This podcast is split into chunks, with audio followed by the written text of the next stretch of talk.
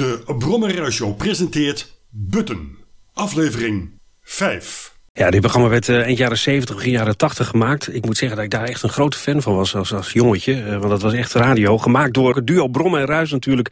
En de presentator Hans Wijnands. Dank je voor de aanbeveling, Jurgen van den Berg. Jij van het Radio 1 Journaal. We gaan terug naar januari, februari 1979. En nu vijf afleveringen tegelijkertijd. Het verhaal van de snacks in vijf delen. Wat is er aan de hand?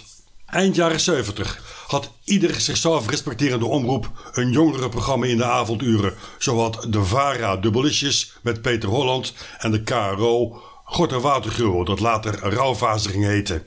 En het programma was nog nauwelijks begonnen of daar kwam Peter van Brugge binnenlopen. En ik citeer van zijn website: Ik zette mijn eerste schreden op het radiopad toen ik door Hans Wijnands van de KRO gevraagd werd mee te doen aan het jongerenprogramma Gort en Watergruwel. Ik citeer verder: Ik, Peter van Brugge, dus introduceerde de punkmuziek bij Hans, die hij enkele seizoenen lang ging draaien.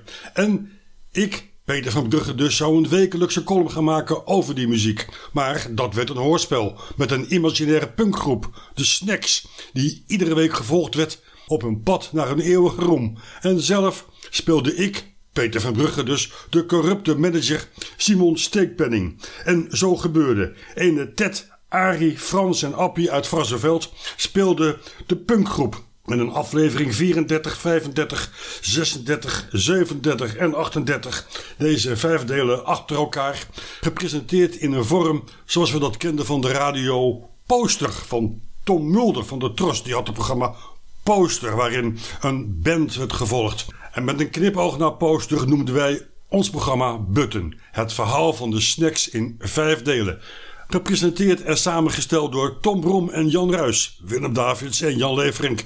Uh, dat zijn wij dus. En geproduceerd door Joop Benaude. Een vriend van het programma, een gitarist uit Rotterdam. Die iedere week op bezoek kwam. En een blaadje zelf gestenseld in elkaar draaide. Smiezels.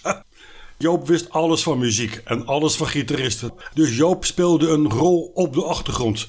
Legendarisch dat deze vijf programma's, vijf buttons bewaard zijn gebleven. Het verhaal van de snacks in vijf delen met manager Simon Steekpenning.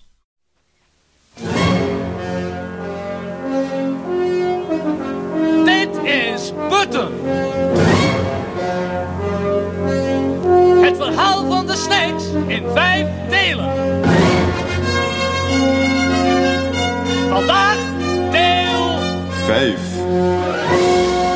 Laatste deel de fatale ruzie in Oostende. Is manager Simon Steekpending schuldig aan moord? Het laatste gesprek met Hanny Grootwassing die hem gevonden heeft.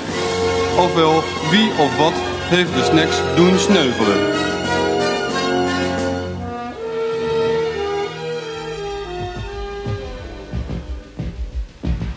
Het is zomer 1978. Na het succesvol verlopen wereldtournee zijn de jongens van de Snacks toe aan een welverdiende vakantie. Trit, Arie, Appie, Frans en Hanny, de vriendin van Frans, brengen die vakantie door in Oostende. Want daar spreken de Belgen nog Nederlands. Inmiddels brengt manager Simon Steekpenning een nieuwe single van de Snacks uit. Het is een ruwe demoband die hij zelf inzingt. Wild Thing heet het nummer en de hoes vermeldt trots featuring Simon Steekpenning.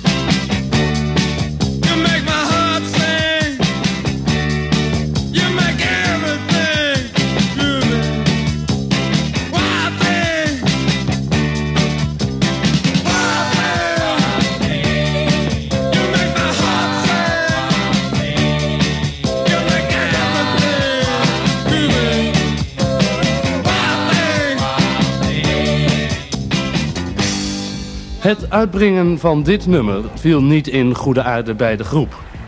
Het had zelfs catastrofale gevolgen. Zo zit Hanny, de vriendin van drummer Frans, in afkiekcentrum De Doper...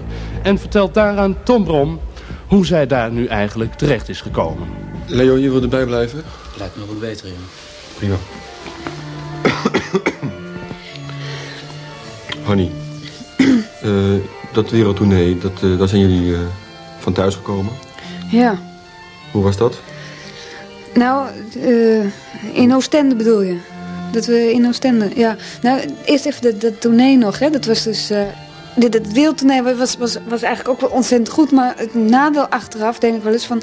ging ook steeds meer snuiven, weet je wel. En uh, Frans vooral, hè, die kon helemaal niet meer zonder. Hè. Die, iedere keer als hij dus op moest, dan, dan had hij dat gewoon nodig. Gewoon, uh, vanwege... Dat je het niet nodig hebt, echt. Hè?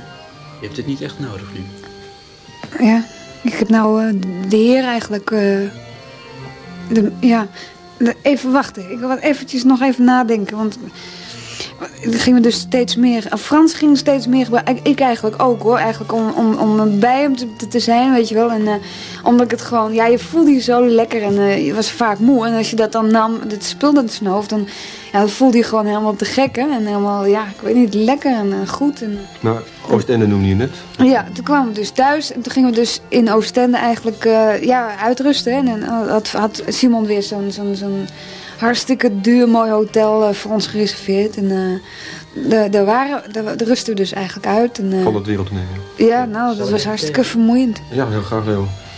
Ik heb zien een pilsje. Maar, Oostende, hotel? Ja, uh, ja, duur hotel in Oostende. Ik zie het nog zo voor me. Hartstikke mooi was dat. Maar het, nare daar was eigenlijk een hele nare tijd. Want toen we dus uitrusten kwamen we dus eigenlijk ook een beetje meer tot onszelf. Hè. En, die andere jongens, uh, Ted en Appie, die, bijvoorbeeld, die, die, die, die zaten alles maar al te kankeren op Simon. Hè. Dat, ze kregen maar geen geld en zo. En, uh, ze moesten overal om, om, om smeken eigenlijk. Terwijl we zo ontzettend hard gewerkt hadden voor dat geld. Moesten toch iedere keer weer, weer erom zeiken, weet je wel? Ja, één, één, uh, oh, klontjes. één klontje. Annie, deze is voor jou. Bedankt. Nou... Uh, uh, Oostende dus. Dat kwam dus op een gegeven moment zaten we dus gewoon met z'n allen in die beneden, die, die lees, leeszaal had je daar in het hotel. En er was dus Hilversum 3 stond aan. En dan hoorden we opeens inderdaad zo'n zo onze eigen muziek. Maar niet met ons nummer erop. Maar Simon, die had daar opnieuw een tekst op ingezongen. Op onze muziek, hè. Die had Frans volgens mij nog geschreven. Dat was onze muziek. En dat hoorde dus opeens. Simon maakte gebruik van ons en daar wisten we niks van. Nou, nou toen was de boot helemaal aan. Toen dan kregen we ontzettende bonje hebben gehad. Tenminste, ik met Frans vooral eigenlijk. En, want ik geloofde het niet. Hè. Ik vond uh, dat het eigenlijk best wel mocht. Voor een keertje. En, uh, je nam het een beetje op voor Simon. Ja, ja god. Ik, ik, vond hem eigenlijk zo aardig. En ik kon me niet voorstellen dat, dat iemand zo gemeen zou zijn. Dat hij daar gebruik van zou maken. Dat, nee, nou, ik kan er niet over uit. En ik een ontzettende bonje. En zo erg dat Frans op een gegeven moment... nou, die is weggegaan. Die is toen naar huis gegaan. En hij smeet de deur achter ik zie het zo voor me. En die, holde, nee, die ging naar huis. Terug naar Nederland. Maar goed, uh, toen een dag later zijn wij dus ook naar huis gegaan. En nou, nou toen uh, kwam. We hadden dus uh, samen, Frans en ik hadden dus twee kamers ergens. En nou, toen kwam ik dus thuis. En nou, lag hij dus op de wc, ja, ja. De, dood dus. Zo was hij dood? Daar moeten ze nog eerst overheen komen. Ja. ja maar even met Hanny doorgaan nu, want het is... Uh, Frans, maar, vond je dood op het toilet? Ja, ja. Kan maar, ja. Nou ja, ja, net wat ik zeg dus. Ik kwam dus thuis en ik, ik gewoon en ik riep nog Frans, want ik wou het gewoon goed maken natuurlijk. En uh, ik zag het eigenlijk ook wel in dat het eigenlijk helemaal fout zat. En toen deed ik dus de deur van het toilet open en uh, nou, lag hij dood. En toen? Uh, ja, nou toen, weet ik eigenlijk niet. Ik, ik, daar heb ik wel eens va zelf vaker over zitten denken. Want ik weet niet, er is zo ontzettend veel gebeurd toen. En uh, eigenlijk helemaal zwart voor mezelf. Helemaal, helemaal zwart. En, uh, ik heb het licht gevonden, denk ik, Hanny. En ik kan wel veel bidden en zo. En dat, dat, helpt wel. Als ik nou, gewoon geloof in de Heer. En dat, dat, dat, helpt me wel. En zeg maar, verwarring is gewoon... Geen zwart gat dus. Leo? Nou, zorg gewoon goed voor me hier. Ik ben helemaal... Daar zijn we voor. Ja, ik ben helemaal uh, weer op het goede pad, geloof ik. Het was heel naar allemaal. Ik zal het nooit vergeten.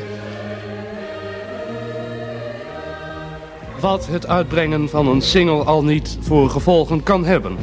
Arie heeft ook genoeg van het gemanipuleren van manager Simon Steekpenning. Een goede zanger wordt weer winkelbediende. Hij vertelt aan Tom Brom hoe het kwam. Arie, zanger van de groep De Snacks. De laatste ontmoeting, de laatste keer dat jullie als groep, dat Ted, Arie, Frans en Appie bij elkaar zaten.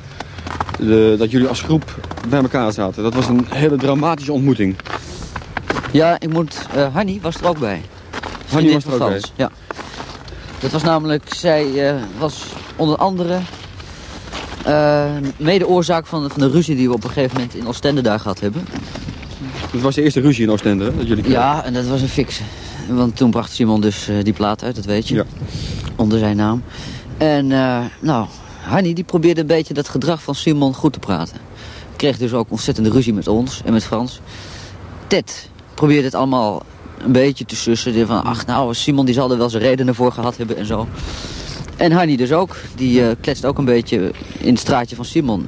We zijn toen eh, als een gek... Simon was een grote boosdoener. Die had, eh, want daar ging de ruzie over. Ja, ja. Simon had ruw geld verdiend aan jullie. Ja. En ja, hij zat juridisch goed ook. Hij zat prima. Ja, dat, maar dat moet je niet... Je bij gevoel van machteloosheid? Ja, mag, en, voor mij was het machteloosheid, maar eigenlijk voornamelijk echt kwaad over dat hij ons eh, op zo'n manier eh, in de zijk had genomen. Eh, ik heb toen ook tegen Simon gezegd, ben je helemaal besodemieterd om, om ons op zo'n manier te pakken? Ik voelde hem echt gepakt. Simon die probeerde daar een beetje overheen te kletsen. En deed net alsof het allemaal voor de zaken, ook voor de snacks, veel gunstiger was dat hij dat onder zijn eigen naam had gedaan. En hij kwam ook weer aanzetten met een aantal belasting, belastingtechnische redenen waarom het voordelig was om dat te doen.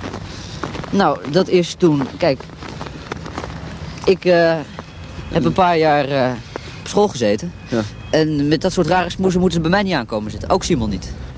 Met Arie gaat het gelukkig op dit moment erg goed. Hij volgt de avondschool en werkt overdag in een herenmodemagazijn in Enter. Graag hadden wij van Button de visie van Ted willen laten horen over een en ander. Maar Ted zit helaas in de jeugdgevangenis in Zutphen en we kregen geen toestemming voor een gesprek met Ted. Hiervoor onze excuses. Wat we u niet willen onthouden is het verhaal van Simon Steekpenning. Manager van de talentvolle, muzikale, hardwerkende, maar helaas overleden punkgroep De Snakes. Waarom heeft Simon de groep om zeep gebracht? De groep die hij zelf heeft grootgemaakt. Een keihard interview door Tom Brom en Jan Ruis met een keiharde manager Simon Steekpenning. Zo. U komt eh, helemaal uit Hilversum naar Varsenveld toe. Simon. Simon Steekpenning, manager van de groep De Snacks, ex-manager. Dus u bent van de KRO? Simon, Goh. Simon. Ja. Voel je je schuldig aan de dood van Frans? Of ik mij daar schuldig aan voel. Ik kan me voorstellen dat er een aantal mensen zijn die zich schuldig voelen aan de dood van Frans. Eh, dat zijn mensen geweest... Voel jij Oh, eh, of ik, oh, of ik me schuldig voel. aan de dood van Ja, Frans? ja, ik had de vraag niet helemaal gehoord. Eh, nou, kijk, ieder mens die doet zichzelf soms iets aan. Hè, wat, je, wat er met je gebeurt, daar ben je zelf verantwoordelijk voor. Ik vind iedereen moet op zijn eigen benen kunnen staan. En Frans, dat weten we allemaal. Frans, die was... ehm, Ellie? Ja? Als er telefoontjes zijn, wil je dan zeggen dat ik er niet ben? Ik heb hier een paar heren van de KRO. Ja. En eh, dus misschien kun je zeggen dat ik er niet ben? Prima, zal doen. Ja. Daar. Ellie. Nogmaals vraag ik jou, ben jij, voel jij je schuldig, gezien die toestand, de toestand in Oostende, voel je je schuldig aan de dood van Frans? Geen commentaar. Ehm, Simon. Een andere zaak is, eh, in het vak, in artiestenkringen, wordt nu gezegd... Simon Steekpenning heeft de Snacks vermoord. Ik had uw zo? naam niet helemaal goed verstaan. Jan Ruijs. Oh ja. Is dat zo dat eh, jij kunt zeggen van ik heb de Snacks vermoord? Eh, de Snacks was een uitstekende groep. Eh, er had iets uit kunnen groeien als ze verstandig waren geweest. Als ze dus hadden geluisterd naar het oordeel van hun manager. Maar dat hebben ze niet gedaan, jammer genoeg. En eh, ze zijn te afgunstig geweest. eh, bang dat een andere een carrière zou beginnen. Dat is nu belachelijk. Want ik bedoel, ik ben alleen maar geïnteresseerd in... ge- Ik bedoel, eh, ik wil alleen maar het goede voor de jongens. Wat moet ik nou met artistieke dingen? Ik bedoel, dat ik, ik zing zo'n plaat het ging in, ook niet om dat- artistieke zaken. Het ging in dit geval heel duidelijk om geld. En zelfs Arie zegt nu, ik heb nooit een cent ontvangen. Hoe zit dat? Ja, dat heb ik al naar geschreven naar de Giro. Hoe dat kan, dat het zo laat komt en zo. En hij zal het geld vast nog wel een keer binnenkrijgen. Hoeveel is het eh, precies? Nou, Arie kreeg nog iets van 7,50 geloof ik. 750. 7,50. 7 gulden 50. Ja. Ik Is het niet een beetje keer- weinig na een Nee, maar dat is wereldtournee? een zaak een, tussen eh, Ali en mij. Ik heb hem een keer geld geleend voor een pakje check en een pakje sigaretten. En dat kreeg hij. Nou, het gaat niet om dat geld, Simon. Het gaat om het geld wat de Snicks als groep verdiend hebben. Daar is nooit een Oh, wacht afrekening even, oh, over wacht even, heren. We willen het hebben over de tournee. Die wereldtournee, meneer eh, Brom, he- Ruis. Eh, heeft mij niets dan ellende gebracht. Die wereldtournee heeft mij in de schulden gestoken. Meneer Bruis, ik kwam daarvan terug. En, Ruis. wat zegt u? Ruis. Ja, ik kwam daarvan terug en ik had op een gegeven moment... Alleen, ik stond volledig rood. Ik heb uit die tournee alleen maar schulden gemaakt, meneer. En als het aan die tournee had gelegen, dan had ik hier in een plaghut gezeten.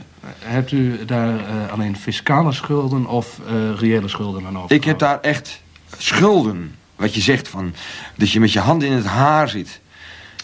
Dat je dus niet meer weet welke kant je op moet. En dat, je, dat, je, eh, dat het dak lekt en dat je de loodgieter niet eens kunt laten komen. Dat soort dingen, meneer eh, Rom, heb ik er meegemaakt. Oh, dat soort dingen heb ik meegemaakt. En dat ik dus echt niet meer wist waar ik het zoeken moest. En dat was gelukkig altijd. De, lood- wil- de loodgieter hier in het dorp beweert dat u eh, nooit bij hem bent geweest voor een lekkend dak. Nee, ik moet ook zeggen, ik ben dus zelf protestant en die loodgieter is katholiek. En ik ga dus naar het naburige dor- dorp, omdat ik wat dat betreft graag... eh, Toch een riante bungalow. Ondanks het slecht eh, de tegen, of het tegengevallen wereldtournee. eh, ja. Het is niet uitgekomen wat je verwacht had. Je had waarschijnlijk nog meer, nog meer verwacht dan dat je op dit moment... Maar meneer eh, Bruis, heb ik voor krom moeten liggen. Brom, Oh. Daar heb ik voor krom moeten liggen. dat begrijp ik, ja.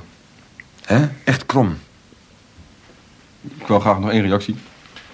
Ehm, jongens van de Snacks. Het waren jongens met talent.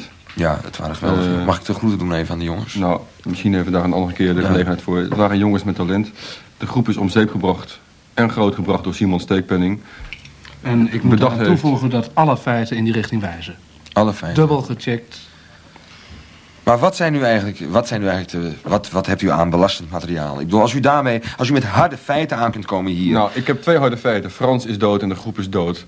Beide moorden zijn eh, is de oorzaak bij Simon Steekpenning. Dat wordt eh, gezegd door u, hè? maar kunt u dat Frans ook echt hard dood. maken? Frans is dood. Ja, maar kunt u dat hard maken? Natuurlijk kan ik het hard maken. Eh, Weet u waarom, de- waarom Hanny in een afkijkcentrum, de doper in een... eh, Tom, we houden dit toch eh, niet emotioneel. We kunnen nu tegen Kunt u dat hard maken? Dan kan ik me zo ontzettend kwaad over maken. Tom, even niet doen. We kunnen nu tegen meneer Steekpenning zeggen dat we namens Ted van Praag en Ari bezig zijn met het benaderen van een aantal advocaten die deze zaak verder tot op de bodem uit zullen zoeken en dat u eh, of een dagvaarding of een vordering tegemoet kunt zien. Ja, maar eh, meneer Rom, u moet niet denken dat dit mij... U moet niet denken dat dit mij onberoerd laat. Ik heb ook met Frans heb ik ontzettend goede contacten gehad. En ik heb ook altijd iets gehad van... dat ik die jongen ontzettend graag mocht. En dat ik het ontzettend lullig vind dat dit allemaal gebeurd is. En eh, u komt hier bij, bij mij aan. En ik, ik laat de u hier in mijn huis toe. En u maakt bent een beetje, een beetje bezig met mij hier een beetje eh, zwart te maken. Ik kan er niet tegen. Ik zou zeggen, ik zet de openstaande deur open en u kunt vertrekken hier.